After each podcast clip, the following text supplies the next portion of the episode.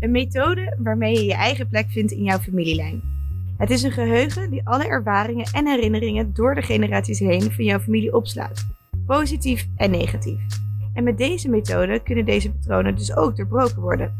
Voor de een klinkt het misschien een beetje als abracadabra en de ander is er al lang bekend mee. We hebben het vandaag over familiesystemen. Ik heb zelf al met eigen ogen mogen aanschouwen hoe het herschikken van een familiesysteem wonderen kan verrichten voor iemands persoonlijke groei. En omdat we in deze podcast op zoek gaan naar hoe je bewust en duurzaam kan leven, willen we ook natuurlijk hier alles van weten. Ik ben Rosa, naast mij zit mijn co-host Lisanne en samen hosten we de podcast van Bedrock.nl. Je luistert naar Bedrock Talks.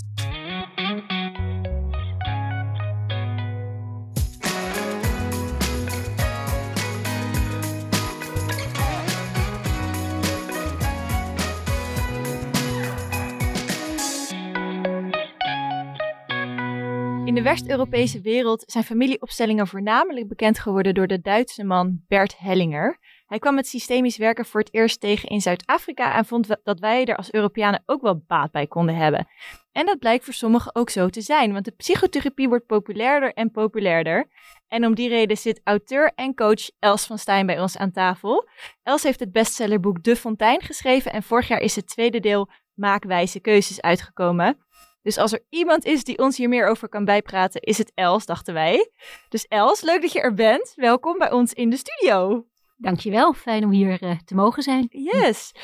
Mijn eerste vraag is eigenlijk, hoe ben je hier zelf in aanraking meegekomen? Hoe kwam dit op jouw pad? Um, dat is ook in de loop van mijn leven pas gekomen. Het is niet dat ik mijn hele leven al uh, met me meeneem. Ik ben uh, altijd wel geïnteresseerd geweest in mensen en hun patronen en gedrag. En waarom doen ze dingen, waarom ze doen. En waarom doen ze het ene keer wel en dan kunnen ze het de andere keer weer niet.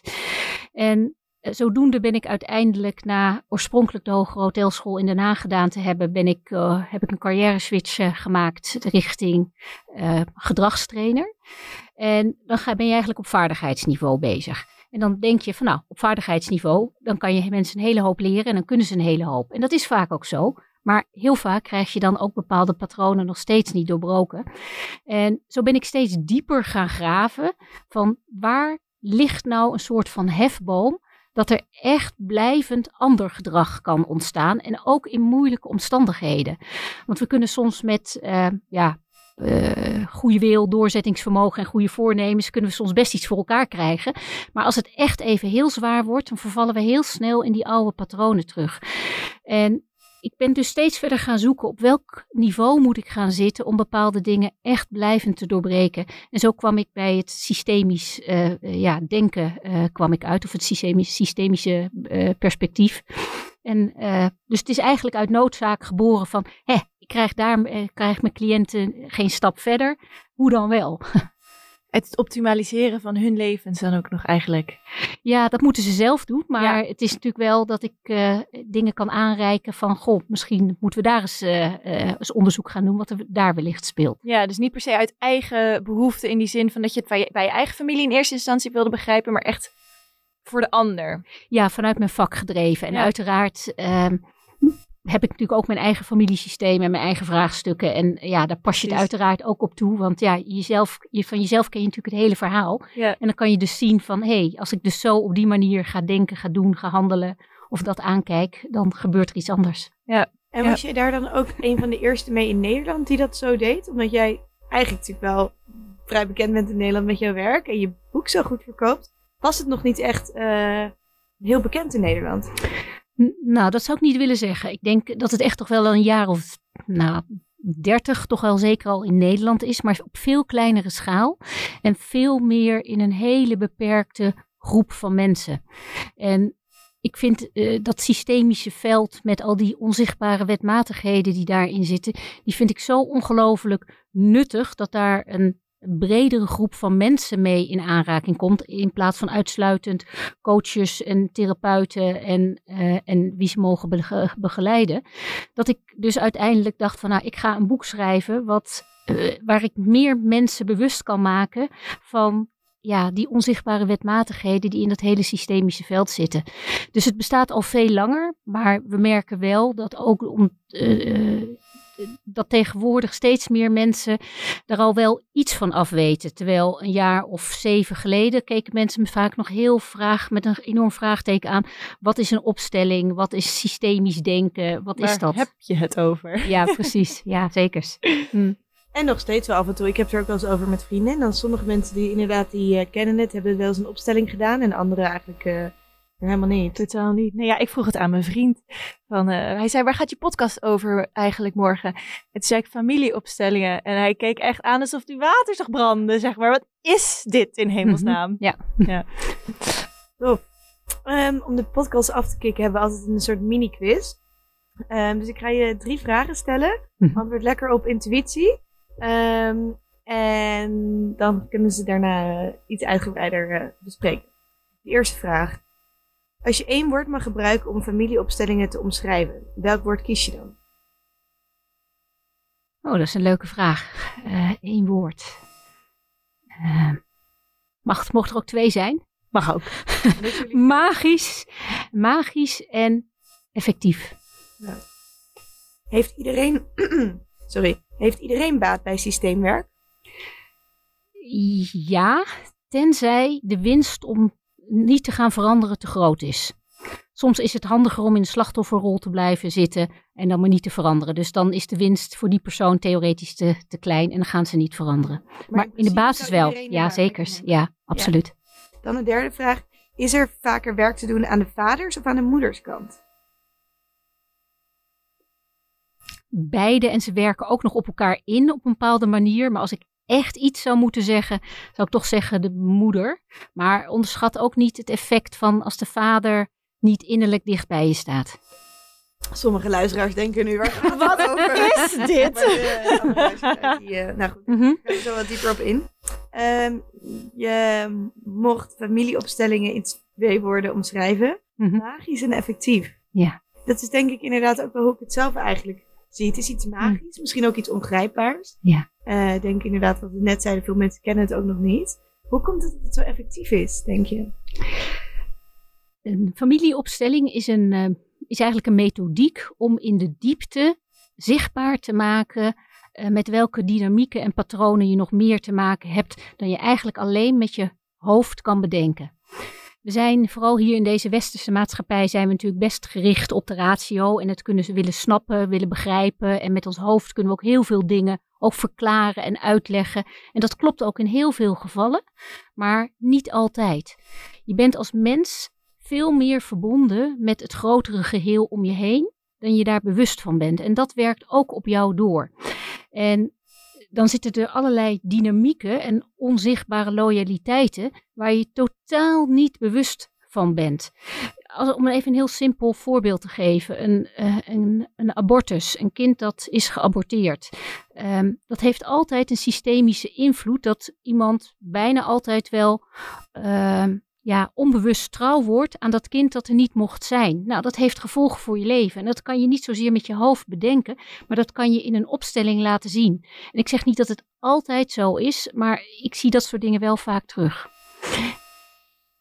Ja, dat is echt ontzettend interessant. En ehm, dat is misschien ook iets wat niet zomaar aan te wijzen is. Of eh, te bewijzen in die zin. Ja, Dus dat is misschien ook het woordje magisch eraan. Dus klopt. Ja, Het blijft zo ontastbaar en zo vaag in die zin. Dat is ook zo. Ik snap ook oprecht niet waarom het zo werkt. Ik zie alleen dat, Dat het, het zo doet. werkt. En dat daar eigenlijk een aantal ja, wetmatigheden in zitten die we nog niet zo goed herkennen of, eh, of kunnen benoemen. Maar we zien ze wel gebeuren. En als je daar meer van weet, dan kan je die eh, wetmatigheden voor je laten werken in plaats van tegen je laten werken. Want ook destijds wisten we ook niet eens de zwaartekracht. eh, ja, nou, toen de naam er nog niet was, was vrijwel zeker de zwaartekracht er ook al wel.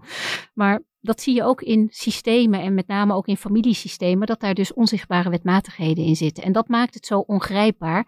Maar als je daar iets van snapt, dan kan je daar je voordeel mee doen. ik ben benieuwd. We gaan daar eh, straks helemaal diep op in. Ehm, je vertelde al even dat iedereen baat heeft bij systemisch werk. Mhm. Dus iedereen ter wereld zou ehm, ja, eigenlijk zijn voordeel kunnen halen uit een familieopstelling doen of systemisch werk. Ook, ook als je dus eigenlijk, ik heb dan het idee dat mijn familie, dat dat allemaal wel klopt. Maar ook als je dat gevoel hebt, dan zijn er patronen in je, in je leven die je toch wel kan aanpakken, zeg maar. Ja, dan denk ik absoluut dat, dat we dan ook nog wel weer iets zouden kunnen vinden. Maar de vraag is of je dat moet willen. Ja, precies. Uh, wanneer ga je een familieopstelling inzitten, uh, inzetten? Op het moment dat het niet lukt om bepaalde hardnekkige patronen in je leven te doorbreken. En uh, en als je dat zeker ook al met andere, op andere manieren, of met coaching, of met training, of met nou, mentale programmering hebt gepro geprobeerd en het lukt nog steeds niet om succesvol te zijn, of die relatie te krijgen, of je minder schuldig te gaan voelen, of uh, ja, uh, als je nog steeds last hebt met de bazen boven je altijd, dat je moeite met autoriteit hebt, ja, dan is het handig om in het familiesysteem te duiken. Ja, ja, helder. En de laatste vraag was: um, is er vaker werk doen aan de moeders of de vaderskant? Ik denk dat we die vraag het best kunnen beantwoorden als we even iets meer bij de basis hebben gevonden van wat familiesystemen ja. En opstellingen eigenlijk zijn. En dan kunnen we, komen we daar lekker vanzelf bij, zodat de, de luisteraar ook helemaal bij blijft. Ja, dat brengt ons eigenlijk alweer bij de, bij de, eigenlijk de vraag der vragen: wat, wat is een familiesysteem en daarmee ook een familieopstelling? Ja. Een familiesysteem is uh, de onlosmakelijke band die jij hebt met jouw biologische systeem van herkomst.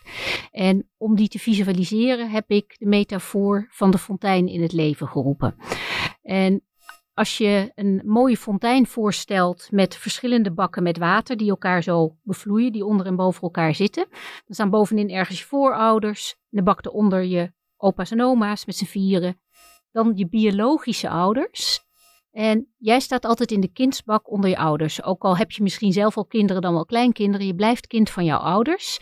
En jouw kinderen staan weer in de bak daaronder. En die kinderen daar weer daaronder. Nou, nu heeft iedereen één plek. En de ene plek is niet beter of meer waard dan de ander. Maar je staat daar op volgorde van geboorte. Dus uh, je moet halfbroers, halfzussen meetellen. Je moet miskramen meetellen, geaborteerde kinderen en alle kinderen die je vader ook nog heeft gemaakt waar je misschien niet eens bewust van bent. Dus dan krijg je een bepaalde plek. En ik heb bijvoorbeeld een oudere zus, dus je zou denken dat ik plek 2 heb. Maar mijn ouders hebben ook nog een jongetje in de buik gehad die het niet heeft uh, gered. Dus ik heb plek 3. Wat is, uh, wat is jouw plek? Kan je die bedenken? Plek 2. Ja? Ik ben middelste. Ja. Oké. Okay. En jij? Uh, plek 4. Oké. Okay. Nee, helemaal niet. Nee, sorry. We zijn met de vieren en ik... Nee, plek 2. Oké. Okay. Ja, sorry. Ja. Ja, plek 2 ook. Nou, soms weet je het niet of er nog iemand ertussen staat of niet. Maar als je in, met je innerlijke houding bereid bent om eventueel een stapje in die bak van de fontein op te schuiven, dan sta je theoretisch goed in de fontein. En je kan uittekenen dat met mensen waar het in de basis goed mee gaat in het leven, met de relaties, werk, gezondheid, nou, gewoon uh, alle dagelijkse dingen, die staan eigenlijk met een innerlijke houding vrij stevig op zijn of haar plek in de fontein. En zo kan je ook uittekenen dat mensen die altijd weer tegen bepaalde patronen aanlopen, gedoe hebben in relaties, moddend met bazen, uh, nou, soms ook zelfs lichamelijke klachten. Uh, dan kan je uittekenen, dat hebben we ondertussen ook gezien, dat die eigenlijk dus niet op die eigen plek in die fontein staan. Dus, en een opstelling is dus eigenlijk een visualisatie van waar jij of jij goed op jouw plek in de fontein staat. En het bizarre is, als we dat dan in een ruimte met verschillende mensen uh, doen, dan zijn andere mensen, die zijn dan zogenaamd representant voor jouw uh, familiesysteem. Dus dan nodig ik bijvoorbeeld jou uit van, je, zou jij voor de vader willen staan? Zou jij voor de moeder willen staan? Zou jij voor het broertje nou, willen staan? Um, en dan ga je zoek je gegeven met een plek in de ruimte. En op het moment dat je goed op jouw plek komt te staan, dan voel je dat in je lichaam. Je voelt dat je meer zuurstof binnenkrijgt. Je voelt ontspanning in je lichaam. En eh, op het moment dat je niet op jouw plek staat, omdat je bijvoorbeeld verantwoordelijkheid gaat overnemen die niet van jou is, of je denkt dat je ouders niet goed genoeg voor je zijn of iets dergelijks, dan kom je op een andere plek te staan en je merkt dat direct in je lijf. Dus het heeft ook nog eens een heel lichamelijk uh, effect, wat heel bijzonder is. En wat houden die um, plekken binnen zo'n familie dan in? Je hebt dan plek, uh, nee, je hebt de, de bovenste plek van je grootouders, je ouders. Wat zijn de verschillen in die plekken dan bijvoorbeeld? Alleen, uh, eigenlijk alleen even heel cru gezegd de locatie waar je staat. Was het even heel plat zo slaan. Het is niet zo dat per definitie het eerste kind meer verantwoordelijkheid draagt dan het derde kind. Dat heeft helemaal nee. te maken met je systemische lot, wat, uh, wat jij toevallig getrokken hebt. Dus het is niet zo als je bijvoorbeeld, ik sta dan op plek 2, mijn broertje staat op 3, mijn zusje dan op 4. dat ik me dan een, een andere betekenis uh, geef aan die plek. Nee, dan meer van absoluut niet. Hebben. Of, want ik kan me wel voorstellen dat er bijvoorbeeld een verschil is tussen een plek waar ouders staan en waar een kind staat. Zeker, want dat is de bak boven je. Oh, Jij staat, je moet hem, dus de bak erboven, dat is, Ja. die staat altijd, want dan, ga je, dan kan je die stroming van die fontein opvangen. Je moet die, die stroming juist opvangen op jouw plek. Ja. Als jij op het plek gaat staan van eh, jouw oudere, wat heb je, broer of zus? Mijn oude, mijn, de oudste is een zus. Ja, van jouw plek, dan wisselen jullie van plek. Dan vang je al veel minder van die fontein op, want dat is niet jouw plek. Jij moet Ja. op jouw plek gaan staan om, om het op te vangen. Ja. En de ander zijn of haar plek te Ja, dus, dus of je dan de middelste of de oudste of de jongste bent, dat maakt dan misschien niet zoveel uit. Absoluut niet. Nee. Nee. Want ik kan me ook wel voorstellen dat je als je als oudste kind, dat je wat, wat bemoederlijker of bevaderlijker bent over je, over je broertjes en zusjes. Ja. Dan dat je als jongste bent. Maar dat maakt dan allemaal... Nee, ja, dat kan. Dat zie je gewoon in, op praktisch eh, eh, eh, niveau zie je dat wel gebeuren. Maar het kan zomaar zijn dat een, bijvoorbeeld een derde kind, dat noem ik dan maar even het systemische lot heeft gekregen om wat meer voor de moeder te zorgen. Een kind voelt namelijk altijd of ouders behoeftig zijn of niet. En wat ik met behoeftig zijn bedoel, is dat eh, eh, als je niet goed op jouw plek in de fontein staat, dan ben je behoeftig. Dan heb je ergens, pardon, heb je ergens een tekort opgelopen. En dat ga je eigenlijk altijd claimen bij je partner, maar ook bij je kinderen, eh, bij je werkgever, bij de overheid gebeurt het ook nog wel. En op het moment dat jij als kind voelt dat een van jouw ouders niet goed op zijn of haar plek in de fontein heeft eh, gestaan, dan wordt een kind eigenlijk uitgenodigd om voor die ouder te gaan zorgen. En dat gaat totaal op een onbewust niveau. Dus dan sta je niet meer op jouw plek in die fontein, maar dan kom je als het ware boven de bak van je ouders. En daarmee krijg je dan een patroon dat je makkelijker gaat geven en ontvangen. En dat patroon herhaalt zich dan weer in de rest van je leven. Ik durf best te beweren dat heel veel burn-outs op dit patroon terug te voeren zijn. Dat mensen in het familiesysteem allerlei verantwoordelijkheid hebben overgenomen eh, die niet van hen is. En dat herhaalt zich dan weer in de rest van je leven. Want de patronen vanuit het familiesysteem, die kan je altijd ja, uittekenen in je huidige dagelijkse leven. Ja, precies. En wa- wat is het dan dat het zo krachtig maakt? Ehm, op het moment dat het lukt om bijvoorbeeld los te laten wat niet van jou is. Van, eh, dat je gaat zeggen van mama, je hebt soms wel eens dat moeders zeggen van ja, mijn dochter is mijn beste vriendin. Nou, dan gaan bij mij alle alarmbellen af. Want dan wordt het kind eigenlijk uitgenodigd om voor de moeder te zorgen. Want die moeder wil eigenlijk niet volwassen zijn. Die wil niet de rol van moeder aannemen, want het, want het wil vriendin van het kind zijn. Je wil naast elkaar staan als het. Precies. Dus dan ontvangt het kind niet meer. Want de moeder moet boven het kind gaan staan om te gaan ontvangen. En een kind wil niks liever dan dat het de moeder goed gaat. Dus die gaat absoluut beweren van natuurlijk mama, je bent mijn beste vriendin. Dus dan zorgt het kind voor de moeder. En daarmee ehm, sta je dus niet meer op jouw plek in die fontein. En daarmee eh, herhaalt het patroon zich. Maar volgens mij ben ik even je vraag kwijt. Wat was je vraag? Wat, wat het precies zo krachtig maakte. Ja, eigenlijk op het moment dat je voelt dat je loslaat wat niet van jou is. Dat je op een bepaalde manier voor een vader of een moeder hebt gezorgd om die toch gelukkig te maken of zijn of haar droom na te leven of iets dergelijks. En je laat dat los, dan voel je je wel schuldig, maar daarmee kom je wel uiteindelijk op jouw plek in die fontein uit. Dan voel je dat je ja, op een bepaalde manier ja, bevrijd bent. Dat, dat iets los is gekomen eh, wat daarvoor compleet vast zat, wat je niet van je af kon schudden. En dat van je afschudden is eigenlijk dat je dan daar, dat je juist op jouw plek terechtkomt. En het- is dus puur die bewustwording die jou verder gaat helpen. Ja, het is de bewustwording en ehm, zowel op meerdere niveaus. Het is zowel de bewustwording rationeel, dat eh, op die plek dat je daar sowieso ook, eh, eh, dat die van jou is. Maar je voelt ook in je lichaam de ontspanning die ontstaat. En als je dan, dus dat is het tweede, dus wat er gebeurt. En het derde wat er gebeurt, als jij dus met die onzichtbare, met jouw innerlijke houding in die onzichtbare fontein op jouw plek gaat staan, dan gaat die fontein dus stromen. En het maakt niet uit uiteindelijk wat je ouders wel of niet hebben gegeven, of je ze leven of niet. Je kan altijd hen hun plek gunnen en, al, en zelf op jouw plek gaan staan. En dan blijken bepaalde ja, onzichtbare wetmatigheden blijken dan voor je te gaan werken. Want als je je moeder bijvoorbeeld boven je goed kan zetten, dan blijk je opeens veel beter in staat te zijn om je ten diepste met andere mensen te, uh, te verbinden. Dat hebben we gewoon, kunnen we uittekenen met al die mensen die op de wereld, waar ondertussen opstellingen mee zijn gedaan.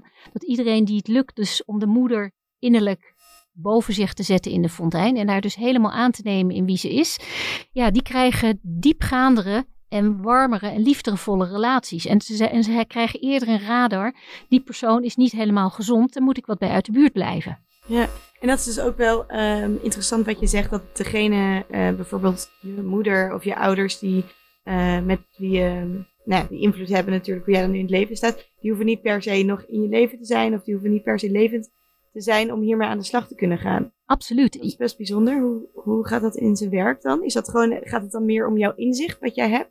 Ja, het gaat om je innerlijke houding naar je ouders. Want je ouders zijn een package deal. Ja. En een package deal betekent dat iets niet onderhandelbaar is. Het, is, uh, het zit er allemaal in. En je kan niet dat wel, dat niet. En de package deal is al het mooie van de ouder, al het minder mooie en alles waar je naar verlangt en ze gewoon niet zullen geven of kunnen geven. En als je daar helemaal ja tegen kan zeggen van dat dat helemaal oké is en dat je daar dankbaar voor bent en ook kan voelen in je lichaam dat ook je gemis en tekort, dat dat ook op een bepaalde manier oké is, ja, dan gaat het stromen. En dat lukt zelfs met kinderen die ter adoptie zijn afgestaan. Want die zijn onbewust trouw aan hun biologische systeem niet aan hun adoptiesysteem. Daar zijn ze op een andere manier loyaal aan. Maar die onzichtbare wetmatigheden waar ik het net al een beetje over had, die, die, zijn, uh, die gelden voor hun biologische systeem, hoewel ze die niet eens kennen. En dat, dat is dus genoeg voor jou om mee te werken? Ja, volledig. Ja. En kan je ons heel even een klein beetje meenemen hoe dat dan gaat bijvoorbeeld? Ik kan me voorstellen als je misschien wordt geadopteerd, dat je misschien je ouders niet of nauwelijks meer kan herinneren. Mm -hmm. um, hoe kan je dan toch je innerlijke. Of gaat het hier meer om acceptatie? Ja, maar acceptatie is, met, is te plat. Dat is te rationeel. Ja. Het, het gaat echt op, op celniveau bijna. Dat, het, dat je helemaal uh, ja, je ouders. Uh, ja, op een bepaalde manier kan voelen dat je ermee verbonden bent. En daar werkt opstellingenwerk juist zo mooi. Want dan stel ik ook hun biologische ouders stel ik op als representant en ook natuurlijk hun adoptieouders. En dan zien ze opeens ook hoe die biologische ouders en de representanten daarvan, hoe die bewegen. Of zo. Dus opeens van, ja, maar die beweging die ken ik. Of gewoon die bepaalde blik of iets dergelijks. Dat gaat dan door die representanten heen op een of andere manier. En dan herkent opeens bijvoorbeeld zo'n kind dat geadopteerd is van, jeetje, wauw, dit is thuiskomen. Ja, en het maakt is... eigenlijk je, je biologische ouder die je nooit echt hebt kunnen zien, misschien ja, in sommige gevallen. Ja. Levend. Juist. Want ik vind het zo bijzonder dat, dat jouw biologische ouders hierbij worden gepakt als je ze dus eigenlijk nooit hebt gekend. En dus voor je gevoel zij jou ook helemaal niet hebben kunnen vormen tot wie je nu bent. Want ze hebben jou geen normen en waarden meegegeven, dat Ja. soort dingen. Dat die dat je daarmee moet werken. Ja, Hoezo, hoezo geen, geen adoptieouders of, of stiefouders? tuurlijk, die geven ongelooflijk veel op, op allerlei rollen kunnen die meegeven. En dat, is, dat zijn alleen andere fonteinen. Maar die biologische eigen fontein, die is het allerkrachtigst. En allerlei mensen om je heen kunnen fantastische rolmodellen zijn, voorbeelden eh, geven, je steun geven, voor je zorgen. Dat kan allemaal. Dus dan misschien net als met een vriendschap. Dan, hoe een vriendschap ook een bepaalde... Ja, dat kan ook zeker. Die kan ook iets vervullen. Ja, Ehm, maar die onzichtbare loyaliteiten, die Ja. gaan juist naar je familiesysteem. En het bizarre is dat ehm, jij bent 50% je biologische vader en 50% je biologische moeder.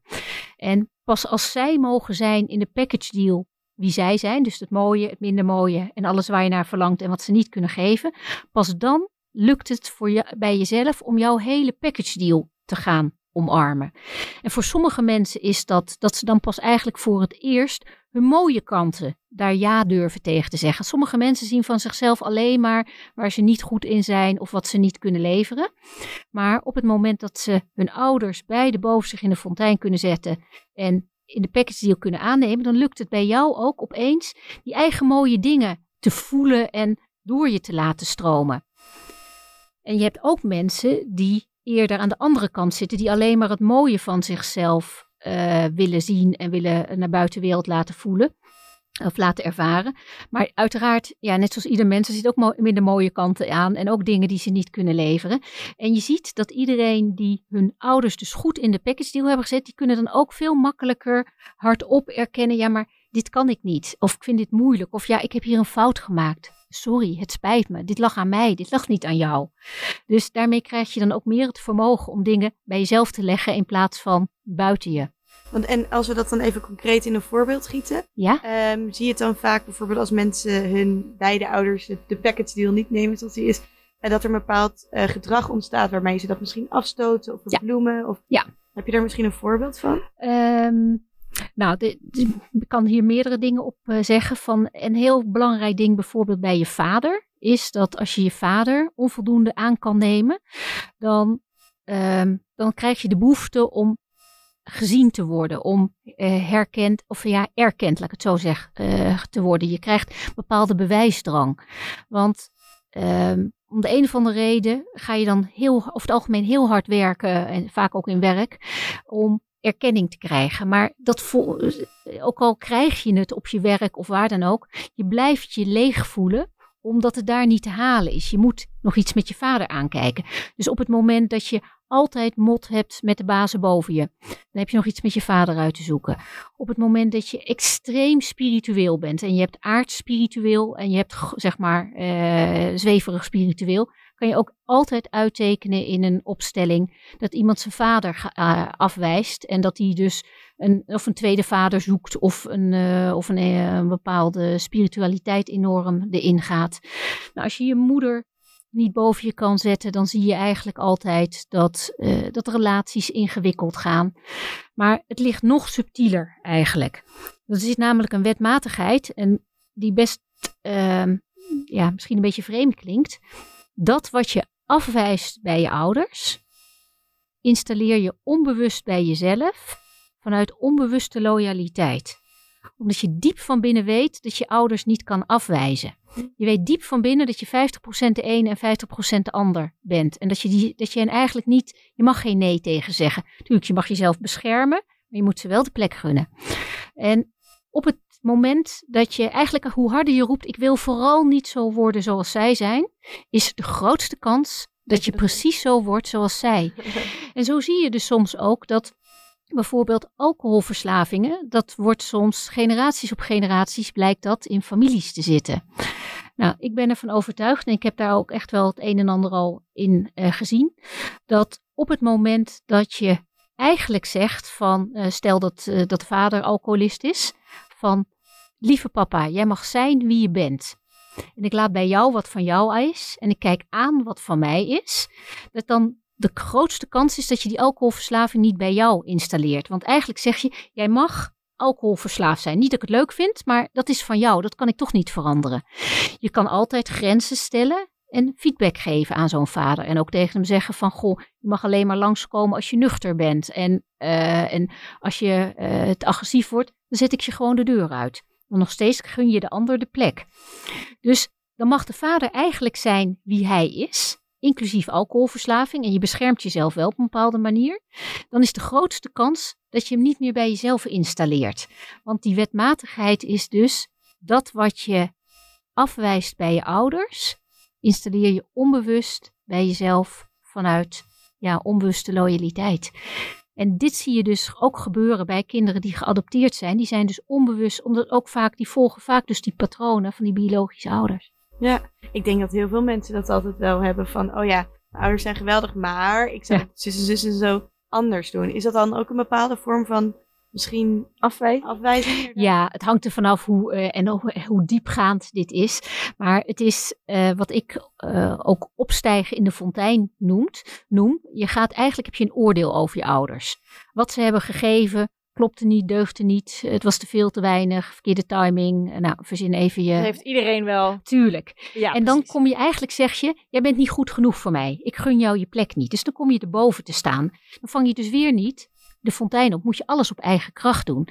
En soms kan je wel gelijk hebben dat ouders onhandig doen, eh, vreemde dingen uithalen, eh, waarvan je echt denkt van nou, dat is, eh, ja, wint niet de schoonheidsprijs. Ehm, alleen die fontein, die houdt geen rekening met ethiek. Als jij je ouders niet boven je kan zetten, dan krijg je dus dat patroon van onbewuste navolging. En dat maakt het zo ingewikkeld soms. En dan op jouw vraag van ja, hoe groot moet het zijn? Ach, iedereen die stijgt wel eens op. Ik, ik, in het verleden ben ik ook flink van mijn plek gegaan in de fontein. eh, dat ik dus niet meer op mijn plek stond. Maar ik heb ondertussen ook geleerd om heel stevig af te dalen weer naar mijn plek.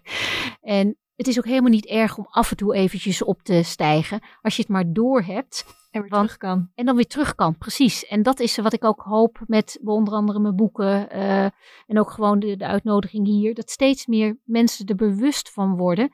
Want dan kan je ook keuzes maken hoe je ermee om wilt gaan. Ja. Je kan ook de keuze houden van ja, ik wil mijn oordeel over mijn ouders houden. Nou prima. Ja. Dat, dat heeft consequenties. in, in de, ja, dan kan je deze methode dus gewoon niet gebruiken. Niet voor je laten werken. Nee, maar dan, dan heb je daar geen baat bij. Of die, die wil, je je wil het niet. Je bent niet bereid om de ander, je ouders, eh, zijn of haar plek te gunnen. En het lastige is dat ehm, ouders die geven wat ze kunnen geven. Als ze meer hadden kunnen geven, dan Ja. hadden ze dat gedaan. En kijk maar ook maar naar jezelf. Soms ben je ook gewoon innerlijk afwezig. Dan heb je misschien wel een klein kind eh, thuis waar je een aai over een bolletje geeft. Maar als jij elders eh, met je gedachten zit eh, en helemaal niet kwalitatief hoogwaardig, zeg maar, aanwezig bent en met je aandacht bij dat kind bent. Ja, soms kan dat gewoon niet. Zo simpel is het. En dat is hetzelfde met jou, met jullie ouders of met iedereen. En ik zie ook hoe familiesystemen, ook generaties door generaties, eh, door, dingen beïnvloed worden, door oorlogen. Je ziet nog steeds ook de tweede generatie problematiek van, eh, van oorlogs, eh, of kinderen, van de kleinkinderen van mensen die in, de, in kampen hebben gezeten. Dat die ook nog steeds bepaalde dingen voor hun overgrootouders zelfs kunnen dragen. Dus ik ben daardoor zoveel milder geworden naar mensen, want je weet niet wat, er meedragen. precies, Dat juist. ook wel mooi. Dus dat eigenlijk, ik heb mijn grootouders eigenlijk, nou ja, de meeste eigenlijk niet eens gekend. Jij zegt Mhm. zelfs dat overgrootouders nu nog invloed kunnen hebben Ja, op jou. Hoe jij je misschien wel verhoudt nu tot anderen. Of Mhm. hoe jij in het leven staat. Of jou, jou, je relatie met je ouders. Op, op welke manier kunnen dan bijvoorbeeld je overgrootouders nu nog invloed hebben op, op jou? Ehm, stel dat, ehm, eh, dat er iets in de oorlog is gebeurd bij opa en oma. Ehm, waardoor ze op een bepaalde manier getraumatiseerd zijn. Nou, dan stel dat jouw eh, ja, moeder, zeg even een voorbeeld, die kan dan eh, uitgenodigd worden om voor haar ouders te zorgen. Dus jouw opa's en oma's. Want ja, hun, eh, dus opa en oma die hadden bepaalde trauma's, bepaalde dingen werd niet over gesproken. Ehm, die konden, konden innerlijk op een bepaalde manier niet aanwezig zijn. Dan wordt misschien moeder gevraagd van ja, ga jij maar voor je broertjes en zusjes zorgen. Dus eigenlijk zorgt ze dan ook voor de ouders. Maar daarmee komt zij, krijgt zij weer tekorten. En jij als kind voelt dan weer dat jouw moeder niet goed in de fontein heeft gestaan. Waardoor, je, waardoor ze soms ook ja, bepaalde dingen niet kan leveren die jij misschien heel graag zou willen. Of ze heeft juist enorm de behoefte om het extra anders te doen. Om extra goed voor jou te zorgen. Omdat zij dat zo gemist heeft. Ja. Dat haar ouders dat niet konden. Dan heeft jouw moeder bijvoorbeeld een enorme zorgbehoefte voor jou. Maar de vraag is dan, gaat, ga jij als kind mee in die zorgbehoefte? Want eigenlijk, mama wil zo graag voor jou zorgen. Nou, dan laat je dat maar over je, heel erg over je heen komen. En natuurlijk is het fijn, maar de vraag is wie er dan voor wie zorgt Ja. in de diepte. Of andersom natuurlijk, je stoot Ja. je er heel erg vanaf. Absoluut, een oordeel. Ja. Ja, zeker. Dus dat mensen Ja. denken van nou, eh Ja, klopt. je le- lekker vinden. Ja. En even voor de goede orde, want dat vind ik echt nog het al, ja, nog wat allerinteressantste hieraan. Je hebt natuurlijk je familielijn en je verhoudingen in je familie, maar dit neem je dus ook mee in andere delen van je leven. Zo Klopt. is je familielijn ehm, ontzettend belangrijk. Of volgens mij speelt een grote rol in hoe je bijvoorbeeld relaties aangaat. Je liet het net al heel eventjes vallen. Dat heeft dus onder andere te maken met eh, hoe jij je verhoudt ten opzichte van je moeder. Ja. Kun je daar iets meer over vertellen? Ehm, relaties die, ehm, eigenlijk alle relaties in het leven, eh, behalve tussen ouders en kinderen, die vestigen zich als je over en weer van elkaar kan ontvangen. Een relatie is in essentie een, ik geef iets aan jou. Eh, nou, dat kan jij aannemen omdat je het leuk vindt om te ontvangen. Of dat nou eh, liefde, aandacht of een boek of weet ik veel wat iets is. Jij wil dat gra- graag aannemen. Nou, doordat je iets aanneemt, word je rijker in de breedste zin van het woord, niet zozeer in de geldelijke zin. Iets aannemen zorgt er ook altijd voor dat je je schuldig gaat voelen. Dat vind je een rotgevoel. Dus daar wil je vanaf. Dus dan ga je iets teruggeven. Als ik dat dan weer kan ontvangen, ben jij je schuldgevoel kwijt. Ik heb iets ontvangen wat mij ook weer blij of gelukkig maakt. En, maar ik voel me nu schuldig. Dus nu ga ik weer aan jou geven. En zo ontstaat er een hele mooie uitwisseling van geven en ontvangen. Dat is in essentie een relatie. Maar je moet dan wel kunnen ontvangen. En kunnen ontvangen leer je eigenlijk pas als je echt goed in de fontein staat op jouw plek. Want dan vang je die stroming op. En als je dus niet kan ontvangen, wat ik in het verleden bij mij ook gebeurd is bij een, een ik ben ondertussen 20 jaar getrouwd, maar een, een eh, vriendje daarvoor. Ik kon niet ontvangen. Hij wilde mij heel veel geven, maar ik kon het niet ontvangen. En wat houdt dat dan in, dat jij dat niet kan ontvangen? Nou, dat hij wilde uh, nou, me verwennen, uh, dingen me ontlasten, dingen voor me regelen die ik lastig vond of zo. Maar ik had van, van, nee, ik doe het wel alleen, laat maar. Nee, ja. dat, uh, want ik durfde eigenlijk niet op een ander te leunen. En daar, want je komt daardoor ook in de schuld bij de ander te staan. Dus je wordt ook ietsje afhankelijker. Maar dat is juist de verbinding die daar ontstaat. Als je ook kan gaan ontvangen. En als je dus niet kan ontvangen, dan gaan relaties verschrikkelijk ingewikkeld worden. Want als je daar, eh, in dit geval was het een, een vent, een goede gezonde vent, uh, had ik toen als, als relatie. Het voor, voor zo iemand is het niet uit te houden om wel te kunnen ontvangen van mij, maar, niet om te, maar als hij niet kan geven, dat is een heel akelig gevoel. En als je gezond bent, dan hou je dat niet uit. Dan ga je bij iemand weg. Dus zodoende ben ik eigenlijk een goede relatie ben ik kwijtgeraakt, omdat ik zelf te slecht kon ontvangen. En als ik dan terugreken, heeft dat dus te maken met de ja, relatie, relatie die jij met je moeder had? Nee, de, ja, ja en nee. Dit is, dat, er wordt een dimensie die er bovenop komt. Want ook als jij van je vader bijvoorbeeld wel goed kan ontvangen, dan heb je al wel een beetje geleerd om beter te kunnen ontvangen. Dus dan gaat die uitwisseling van geven en ontvangen in je dagelijks leven gaat ook al makkelijker. Maar los van die dimensie van uh, die uitwisseling van geven en ontvangen, zit er hoe jij je met je moeder hebt verhoudt. Uh, als jij haar boven je kan zetten in de fontein, dan kan je je ten diepste met iemand anders verbinden. En dat gaat, staat, gaat weer door in je relatie. Want als jij naar je partner kijkt, van ik heb, zet nu iets verderop een bekertje voor mijn neus. Stel dat dat mijn partner is. En ik zet daar nog een, een bekertje erachter, dus recht achter mijn partner. Als, zoals ik naar mijn partner kijk, op een onbewust niveau, ziet ieder mens een dubbel beeld. Achter je partner staat jouw moeder. Hoe jij verbonden bent met jouw moeder bepaalt jouw maximale vermogen hoe je met je partner kan verbinden. En wie staat er dus achter mij als uh, de, mijn, mijn echtgenoot? Die staat voor me, die kijkt mij aan, die kijkt naar mij, die ziet dus een dubbelbeeld. Dus wie staat er achter mij? Jouw moeder. Zijn moeder. Zijn moeder. Ja, dus hoe hij verbonden is met zijn moeder, bepaalt weer het maximale vermogen om zich met mij te kunnen verbinden. En dat maakt het soms zo ingewikkeld dat soms is er best wel liefde in een relatie en uh, een hele mooie uitwisseling van geven en ontvangen. Maar degene die zich in essentie niet kan verbinden, uh, op lastige momenten vindt de personen die zich wel kan verbinden, vindt dat heel moeilijk. En die zegt dan van ja, maar uh, de, de, relatie op de juiste momenten kan ik je niet bereiken. Kan ik, en kan, jij niet, kan ik ook niks voor je doen, want je wilt mij ook niet ontvangen op bepaalde manieren. Ja, dat kan een reden zijn om een relatie op te breken. Ja, en hoezo, hoezo staat de moeder dan voor die relatie en de vader voor de, de daadkracht? Wat...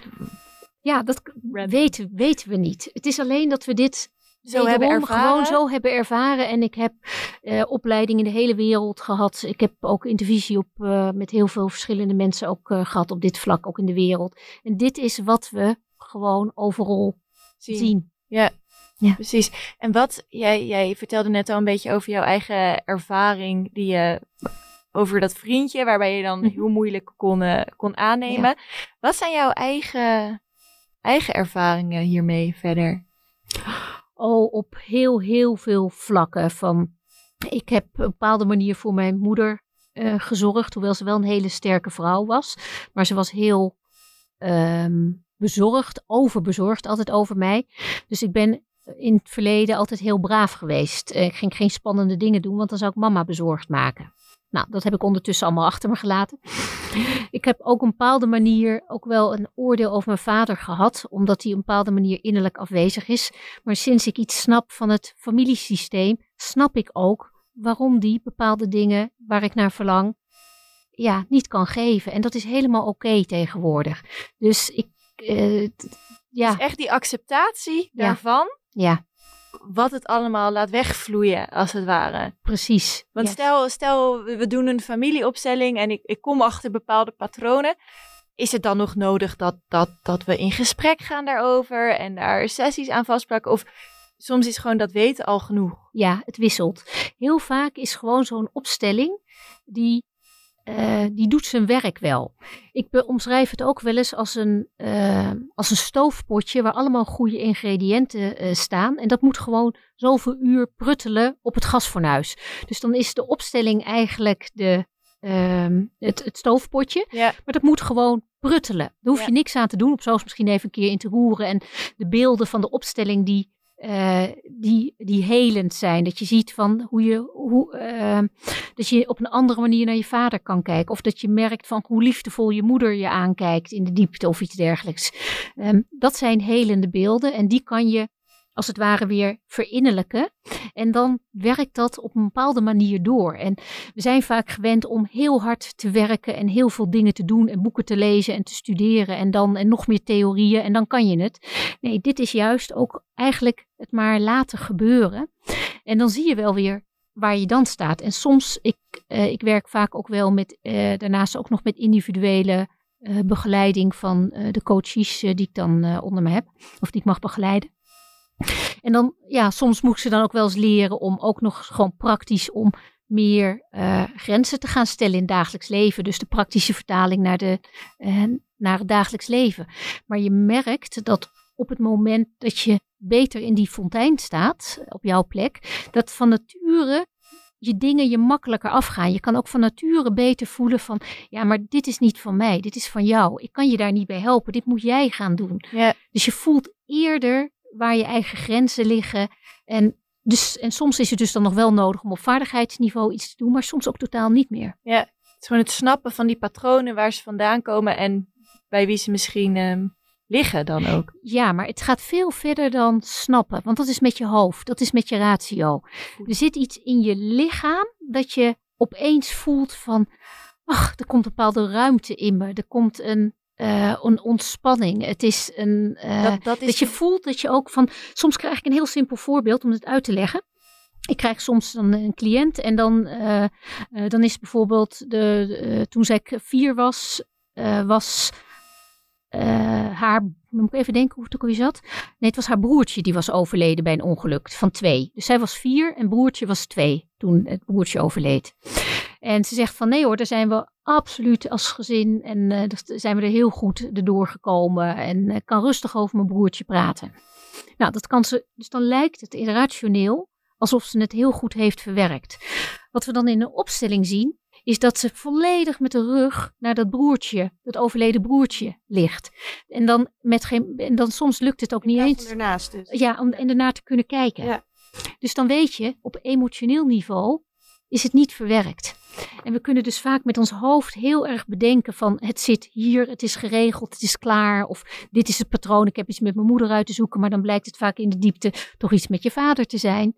Um, en dan ondanks dat hij er dus niet meer is, dat broertje, of ja. wie dan ook, om wie het dan gaat in die situatie. Ja. Kan zij daar dus toch uh, zo aan werken dat het haar dus niet meer belemmert in het dagelijks leven. Precies. En het meer omarmt. Juist, ja. ja. Dan ga je op een andere manier er weer mee verhouden. Ja. Maar dat is dus verder dan alleen rationeel. Ja, en wat zijn dan kenmerken waaraan je misschien kan herkennen dat jouw familiepatroon niet helemaal, of jouw familielijnverhouding, moeilijk aan de woorden, situatie, uh, zich niet helemaal juist verhoudt.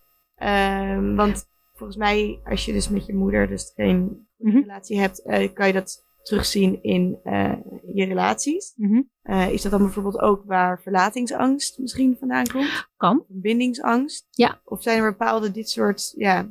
Nou, het ligt allemaal, uh, het is allemaal niet helemaal eendimensionaal. Dus dat we per se, ja, van bepaalde dingen kunnen echt wel zeggen van, als je dit ziet, dan gebeurt er dat. Maar vaak is het ook een combinatie van meerdere dingen.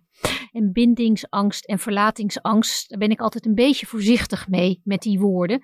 Want heel veel mensen die zeggen dat ze uh, verlatingsangst hebben, die hebben bindingsangst. Die kunnen zich niet verbinden. Dat zie je dan in een opstelling. Dus het is dan ook weer wederom anders dan ze, uh, dan ze zelf denken. Ja, dan is dat weer dat snappen. Ja. En versus het voelen. Juist. Want daarom, dat is dan misschien ook de reden dat het echt zo belangrijk is om echt zo'n situatie te creëren met representanten. Ja. mhm. Om daadwerkelijk te kunnen gaan voelen hoe het zit. Ja, en daar is dus een opstelling enorm effectief bij. Maar ook door, ehm, door het model van, of de metafoor van de fontein ook gewoon te begrijpen, gebeuren er eigenlijk ook al systemische interventies. Dat je opeens van, oh shit, ik sta hier, ik sta daar. Oh jee, ja nee, ik, eh, dus dan gebeurt er ook al iets. Dus een opstelling is absoluut de methodiek die daar geschikt voor is, maar het kan ook op, op andere manieren. En eh, dan ben ik ook nog wel benieuwd. Ik heb dus wel een aantal keer een opstelling meegemaakt. Ja. Ehm, er wordt een familiesysteem neergezet. Mhm. Eh, en er zijn andere mensen die bijvoorbeeld jouw vader, je moeder, je Ja. broer, je zus, die dan ook spelen. Ehm, en die mensen die zijn daar toevallig ook bij. Die doen ook mee aan de workshop. Op de, Ja. Random people. Iedereen kan Ja. dit doen. Jij, ik, iedereen. Iedereen die luistert. Ja. Die, die kan representant zijn. Ja. En die staat voor iemand eh, in jouw familie. Hoe werkt zoiets? Ja, dat is een hele goede vraag. En daar heb ik en überhaupt eh, mensen in mijn vakgebied, we hebben daar geen echt antwoord op. Het lijkt, ehm, ik werk, je kan op meerdere manieren kan je ehm, opstellingen begeleiden, maar ik nodig altijd zelf de representanten uit. Bij sommige opstellers laten de cliënt uitkiezen van, joh, kies maar iemand hier uit de ruimte die voor je vader of je moeder staat. Maar ik doe het op mijn intuïtie, dus ik doe dat, eh, eh, bepaal dat dan eigenlijk. En op het moment dat een representant daar dus ja tegen zegt, tegen mijn uitnodiging eh, van zou jij voor de moeder van haar willen staan of jij voor de vader willen staan, als je daar met je innerlijke houding ja op zegt, dan kom je in contact met dat familiesysteem van die ander. En die kent die persoon absoluut helemaal niks. En ik, soms heb je ook nog helemaal niets gehoord van dat familiesysteem. Soms maak ik echt wel even een praatje met een cliënt van, joh, wat speelt er? Maar heel vaak hoef ik het niet te weten. Want ik zie dat verhaal, dat heeft iemand al honderd keer verteld. En dat verhaal heeft nog steeds hetzelfde patroon in stand gehouden. Dus ik ben eigenlijk, en dat kan soms best een beetje bot zijn, ik ben niet zo heel erg geïnteresseerd in dat verhaal. Ehm, want ik volg meer van wat gebeurt er in de opstelling. En dat is, moet kennelijk eerst aangekeken worden voordat je bij die vraag komt die, eh, die, de, die de cliënt dan heeft. Maar ook de mensen die dus in de zaal dan aanwezig zijn, die kennen vaak ook dus helemaal geen geschiedenis van ja, de persoon die de opstelling krijgt.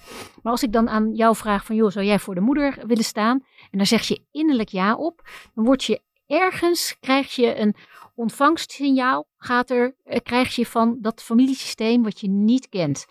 En dan weet je waar je moet gaan staan, hoe je moet gaan eh, bepaalde bewegingen maken. En zo vaak hoor je, ja, maar zo stond mijn vader ook altijd. Och, die tik met die hand had mijn moeder ook altijd. Eh, Een bepaalde blik, ja, maar dat is mijn moeder. Dat is zo bizar. Je krijgt dus iets door wat, ja, waarvan we dus niet weten hoe het werkt, maar, dat, eh, maar ja, je weet het. En dat maakt ook wel weer eh, dat ik gewoon ja, diep respect heb voor dit werk en dit veld. En, eh, en de kracht die daarin zit, dat is gewoon groter Ja. dan. Heeft ook met energie te maken waarschijnlijk. Ja, ik denk het. Dat- hoe, hoe, Roos, hoe waren die, die jij, jij hebt ze bijgewoond, je bent representant geweest. Hoe was dat voor jou? Eh, bijwonen, dat was echt ontzettend bijzonder. Dat was dus, eh, vertelde ik voor de opname al even bij nou, een grote persoonlijke ontwikkelingsdag van een of andere opleiding. En er waren heel veel mensen bij. En dat, nou, dat was echt geweldig. Dat werkte heel goed. En dat was, ja, dat heeft vloeide tranen. En dat, dat betekende best wel veel voor degene die werd opgesteld. Ik heb het zelf een keer in een kleinere setting gedaan. En ik was zo'n representant. En ik weet nog dat ik dat dus best wel moeilijk vond. Dus Mhm. ik vond het... ehm, Eh, ik kan me voorstellen dat er een druk op je schouders ligt. ik Zo was ook een van, beetje zenuwachtig. ja, ik dacht, oh jee, dit gaat wel om het, het leven of de geschiedenis van deze meneer. Ja. Eh, en dat vond ik best wel spannend. Dus ik heb toen gedaan inderdaad wat mij een soort van ingegeven werd. Maar ik had niet heel duidelijk van, oh, ehm, dit moet ik nu zo doen. Ik ging ook gewoon mee in de energie en in de flow. En Ja. want je gaat gewoon rondlopen. Nou, je loopt niet eh, per se rond. Vaak beantwoord je gewoon een vraag. Ja. Of een soort vraagstuk van iemand. Ja. Eh, en daarin ehm, ga je dan dieper op in. En er is iemand die dit begeleidt. En die vraagt dan de representant En eh, degene die wordt opgesteld bepaalde dingen. Ja. En daar reageer je op. Ja. Dus of fysiek of met verbaal. Ehm, dus ik, ja, ik deed dat dan een beetje op gevoel. Maar ik had niet heel erg het gevoel van, oh, mijn hand moet zo. Of ik moet zo staan. Of ik, ik ja, vond het best moeilijk eigenlijk. Ja, Ja, maar goed, dat is waarschijnlijk. eh, je krijgt de rollen die bij je passen. Het bijzondere is dat eh, gewoon in dat veld aanwezig zijn, ook al is het niet jouw opstelling en je zit in de kring eromheen en je bent niet eens representant, dat eh, de- je resoneert mee op de thema's die in jouw familiesysteem spelen. En daarom word je eigenlijk schoongemaakt van binnen op een niveau waar je vaak niet eens zelf bij kan komen. Maar je kan dus aan, ook mee resoneren dus op de thema's van de ander. Want aan de ene kant ben je hartstikke uniek als mens. En aan de andere kant ook weer totaal niet. Bepaalde patronen en dynamieken, die zijn zo menselijk, die herkennen we allemaal. Dus dat maakt jezelf dan ook weer schoon. Dus je hoeft soms niet eens je eigen opstelling te hebben om er heel veel baat bij eh, te hebben. En ik herken absoluut dat je zegt dat, eh, dat representanten twijfelen van, oh, doe ik het wel goed? Nou, dan, ehm, ik kan sowieso altijd meevoelen van, eh, met al die representanten. En, eh, en je gaat er gewoon van uit dat je het goed doet. Het is, en dat klinkt misschien even heel raar zoals ik nu zeg, het is bijna arrogant te denken dat jij net de enige zou zijn die dat niet zou kunnen. Je wordt gewoon meegenomen door een veld wat veel groter is dan jij. Daar heb je helemaal geen invloed op. Dus je doet dat gewoon, het. ja. je doet het goed.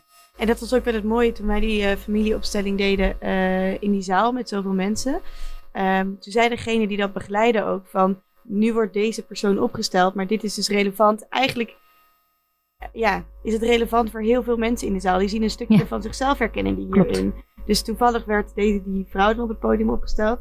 Maar er waren heel veel mensen die zich daar ook in konden herkennen. Of op hun manier daar iets aan hadden. Want Ja. wat jij zegt, we zijn allemaal uniek, maar ergens lijken we natuurlijk ook allemaal op elkaar. En Klopt. herkent iedereen wel iets van elkaar in, ja, in een bepaalde zin. Ja.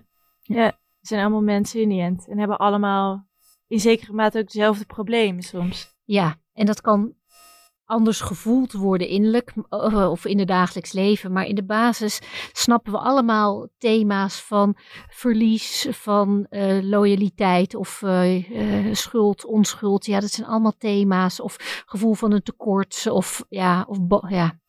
Ja. En ehm, is een familieopstelling iets wat je dan één keer doet? Dus stel je voor, je kampt in het dagelijks leven met ehm, iets. Er zijn dus niet bepaalde Mhm. eh, tekenen voor, maar iets. eh, en je hebt eraan gewerkt. Je bent erachter gekomen dat er eh, nou, misschien iets was met de relatie met je vader of zo. Ehm, daar heb je dus dan aan gewerkt.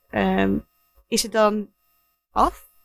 Of kan je nog een keer zo'n familieopstelling doen? Hangt er vanaf. Zo'n, eh, wat ik toen straks zei dat stoofpotje van zo'n opstelling moet gewoon rustig doorwerken. En dan voel je vanzelf wel waartoe je bij jezelf uitgenodigd wordt qua handelen. Of wat zich dan weer openbaart. Want wat we soms ook zien is dat door een opstelling, als het ware een laag van een ui afgehaald wordt. En dan kom je bij de blauwe plek die eronder zit. Die zat er al lang. Alleen daar kon je niet goed bij, of die zag je nog niet zo goed, omdat die andere laag eerst afgehaald moest worden. Dus ik zie vaak wel dat mensen na verloop van tijd, na een paar maanden, misschien nog een keer een opstelling komen doen. Maar dat is meestal een vervolgthema wat zich dan heeft aangediend. Ja, iemand via Instagram vroeg ons ook, want wat als je dan bang bent voor een terugval van een trauma? Ja, ja trauma, ku- eh, dat, heeft, eh, dat heeft weer andere oorzaken. Kan uit het familiesysteem zijn. Met trauma, ja, dat, eh, daar zouden we ook een hele podcast aan kunnen wijden. Ehm, bepaalde triggers, eh, daar blijft iemand de rest van zijn leven gevoelig voor. En als die triggers echt ingedrukt worden, dan komt iemand als het ware in bepaald overlevingsgedrag, dat als een soort van grammofoonplaat ingegraveerd is en wat ook niet meer te herschrijven is. Ehm, op het moment dat iemand leert om bepaalde gevoelens die te maken hebben met die nare en die hele moeilijke situatie, om die te verwerken, dan kan je zorgen dat je er als het ware buiten, buiten die trigger kunt blijven. Omdat je iets van je gevoel al ehm, hebt weggewerkt daarin, waardoor het minder spannend is. Want zeker met trauma, dat maakt het zo ingewikkeld. Dat trauma heeft misschien op, eh, op achtjarige leeftijd plaatsgevonden, stel. Als zo'n gelijksoortige situatie in het hier en nu, terwijl je bent misschien 30 of iets dergelijks, dan plaatsvindt, dan pak je eigenlijk dat beeld van toen jij dat kind van acht was, dat plak jij op het hier en nu terwijl je 30 bent. En dan voel je eigenlijk in het hier en nu die veiligheid, dan wel die onveiligheid, dan wel je mogelijkheden of je onmogelijkheden van toen, die voel je in het hier en nu weer. Terwijl eigenlijk het hier en nu hartstikke veilig is. Nou, ehm, dus dat maakt het gewoon heel ingewikkeld dat er allerlei beelden vanuit het verleden, vanuit trauma, over het hier en nu nu zijn gekomen. En die kunnen voort zijn gekomen vanuit het familiesysteem.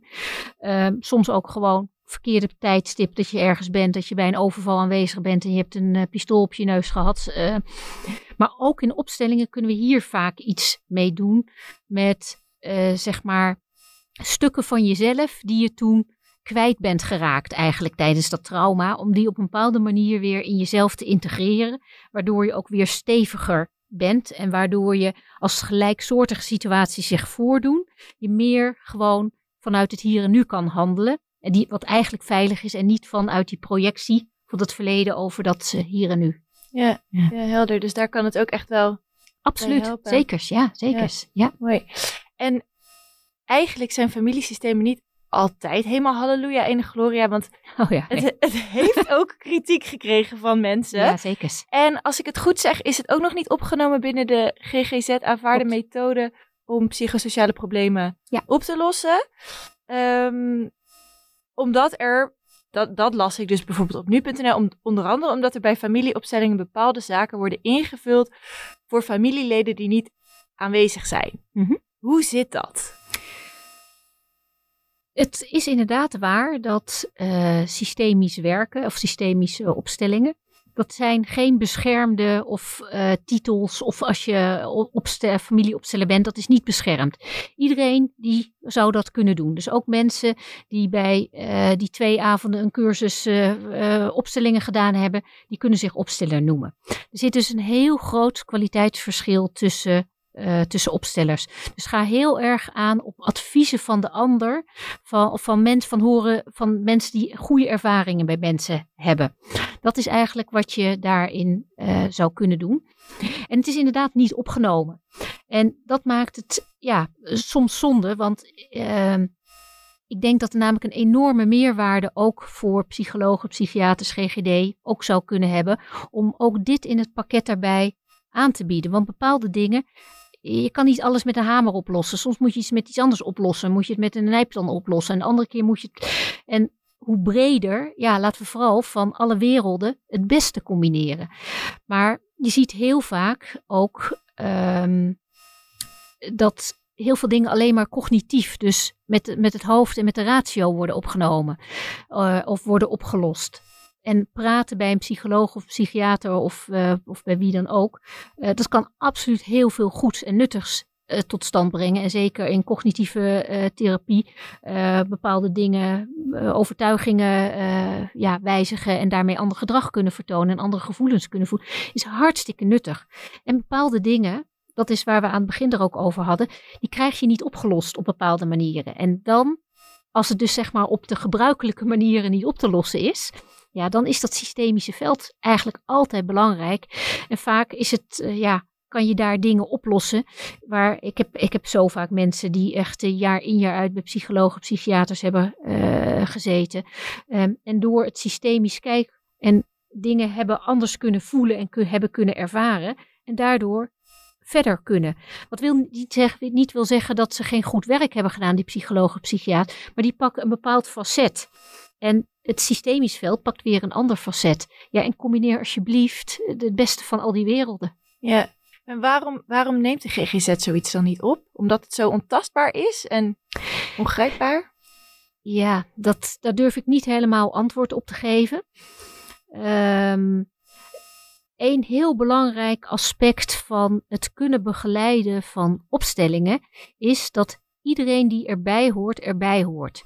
Dus zelfs een vader die incest heeft gepleegd met zijn dochter, die moet je op een bepaalde manier, die hoort bij het systeem. Als ik die buiten sluit van het is een lul en, het, en uh, dit had hij nooit mogen doen, had het het ook nooit mogen doen, maar het is gebeurd.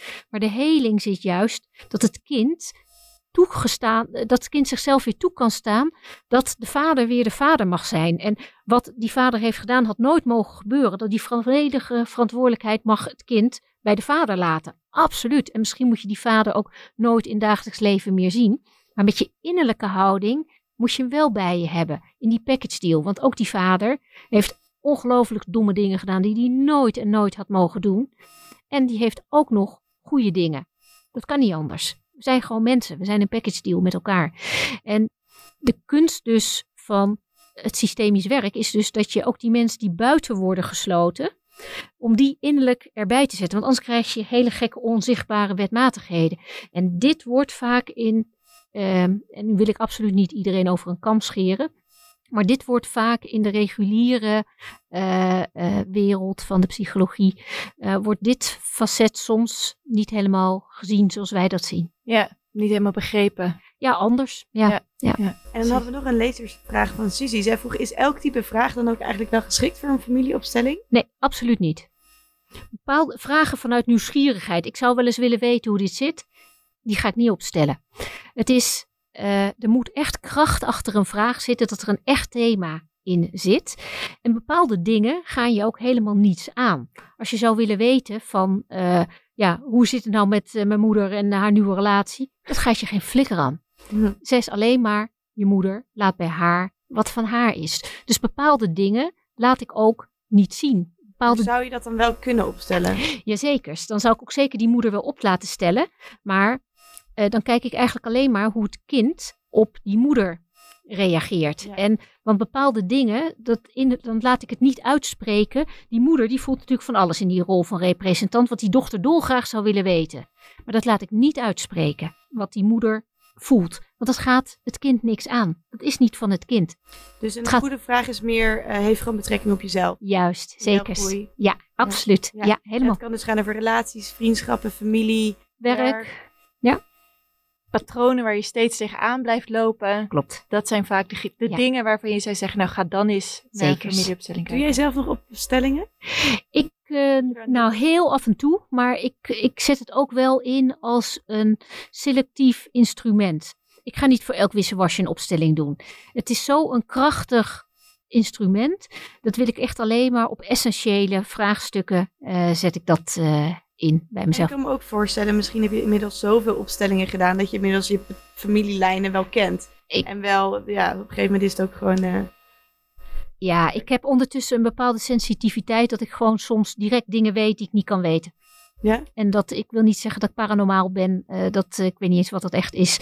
Maar doordat ik eigenlijk zo goed ondertussen nu op mijn plek in die fontein uh, sta, ben ik zo schoon geworden daar kan er eigenlijk allemaal informatie in komen die ergens vandaan komt waar ik niet weet waar die vandaan komt.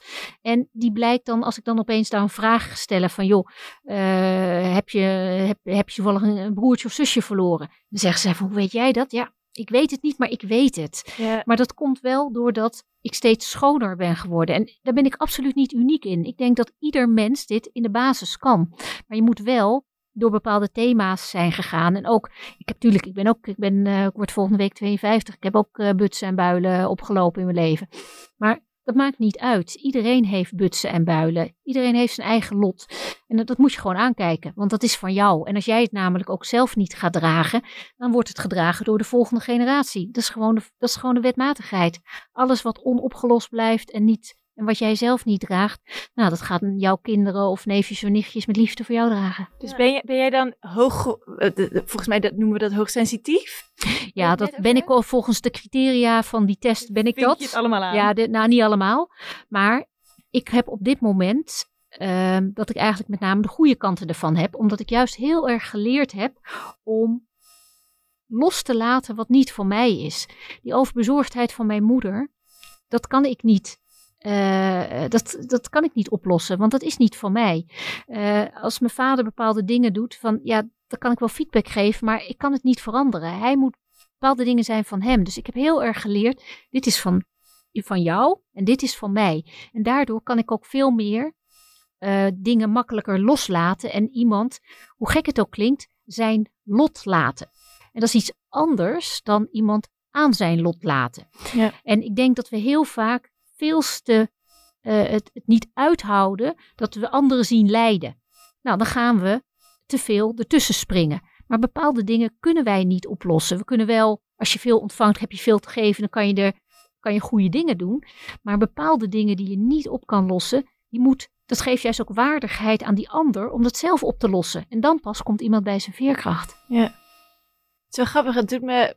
Ik, ik keek van de week een filmpje op van, eh, van Ted. En dat ging. TEDx. En dat ging over eh, een vrouw en zij onderzocht bossen slash bomen. Ja. In, ehm, in Canada. En zij vertelt daarin hoe alle bomen Ja. met elkaar zijn verbonden. Eh, maar ook dat bomen in een betere connectie staan met hun kindbomen, om het zo maar te zeggen. ja. Maar ook heel erg nog kunnen geven aan bomen die niet hun eigen kinderen zijn. En dit hele verhaal doet me zo erg daaraan denken. Ja. Van hoe je dus, Ja. hoe iedereen met elkaar verbonden is. Hoe we allemaal aan elkaar kunnen geven en nemen. Hoe we als ouder boven onze kinderen moeten staan. Door hen te geven, maar die kinderen moeten... Op... Ja, het doet me gewoon heel erg daaraan denken. Dus ik zou zeggen, kijk het filmpje. Ja, ik, ben, ik deel het helemaal. Ik ben er recent ook allemaal een beetje ingedoken. En daar zie je dus dat, en dat vond ik ook zo bijzonder, dat ehm, grote eiken of iets dergelijks, dat soort bomen, die houden eigenlijk het licht bij de kleine kindjes, houden ze weg. Want daardoor ontwikkelt zo'n klein boompje een heel goed groot eh, wortelstelsel, dat op het moment dat er dan een grote boom omvalt, kan het boompje met heel veel kracht recht naar boven groeien om het licht te pakken. Ja. Dus eigenlijk door het kind kind te houden van wij zorgen voor jou, jij hoeft niet voor ons te zorgen, ehm, ontwikkelt een kind zich juist sterker. Maar juist in de fontein, als je een oordeel over een ouder hebt, ja, dan ga je niet van ze aannemen. Dan kan je die bescherming niet pakken. Of als jij voor hen zorgt, dan ontvang je ook wederom niet. Dus eigenlijk door te ontvangen van je ouders wat er is. En soms zitten er gewoon verdrietige verhalen in dat bepaalde ouders soms dingen niet kunnen geven. Maar dan nog kan je met je innerlijke houding wel je ouders boven je zetten. Dan ga je ontvangen. Ja, dan krijg je sterke wortels. En als je sterke wortels hebt, ja, dan kan je letterlijk en figuurlijk tussen een zo- tegen een stootje. Ja, precies. Ja. Kan je de beeld metafoor denken? Ja, hè? Ja. Wel, ja, als we dan toch ook nog één zijtak eh, nemen. Tak. Eh, ik heb dus ook wel eens gehoord dat je ook opstellingen kunt doen met paarden. Omdat dat dus blijkbaar Ja. hele sensitieve dieren zijn. Ja. Eigenlijk, ehm, nou, het fijne moet je echt aan de experts vragen. Maar ik heb het ook één keer meegemaakt. En ehm, eh, eigenlijk is een paard die wordt representant. Net zoals we in de opstellingendag eh, van iemand uitnodigen van jij wordt de moeder. Is het paard wordt dan, eh, wordt dan representant. En die kan zo goed voelen wat eh, ja, ja, in jou spiegelen op een bepaalde manier. Nou, daar moet je echt even bij degene die daar echt in eh, gespecialiseerd zijn, het, hoe dat exact werkt. Maar, maar het werkt dus ook. Het werkt absoluut. Ja, zekers. Ja. Mooi om nog even in te verdiepen. Ja. Voor een stuk. Ja. Oké, ik denk eh, dat het tijd is om af te sluiten. Het is zo interessant. Volgens mij kan je echt nog wel weer veel meer uren over doorkletsen. Maar goed, zit ook alweer een eind aan. Hoe dan ook, Els. Als mensen meer van jou willen weten, moeten ze natuurlijk gewoon jouw boek lezen, De Fontein, en jouw tweede boek. Maar zijn er andere plekken waar ze jou kunnen, kunnen vinden online? Ja, op mijn eh, website eh, www.elsvanstein.nl. Daar heb ik ook onder andere een eh, blogpagina waar ik ook allerlei artikelen heb gepubliceerd die ook op andere plekken zijn gepubliceerd ehm, over de metafoor van de fontein, dus je familiesysteem en bepaalde thema's. Dus bijvoorbeeld de fontein en hooggevoeligheid, waar jij het bijvoorbeeld over had. Of eh, daders en slachtoffers en je familiesysteem. Eh, dus, allemaal, dus daar heb ik eigenlijk kortere artikelen dan mijn eh, twee boeken eh, van de, over de fontein. Eh, die kan je daar ook vinden. Leuk, tof. Fijn. Nou, de luisteraar, dankjewel voor het luisteren. Eh, vergeet niet om even een review achter te laten over eh, deze podcast in de podcast-app. Want het helpt ons dan weer verder om eh, mooie content te blijven maken.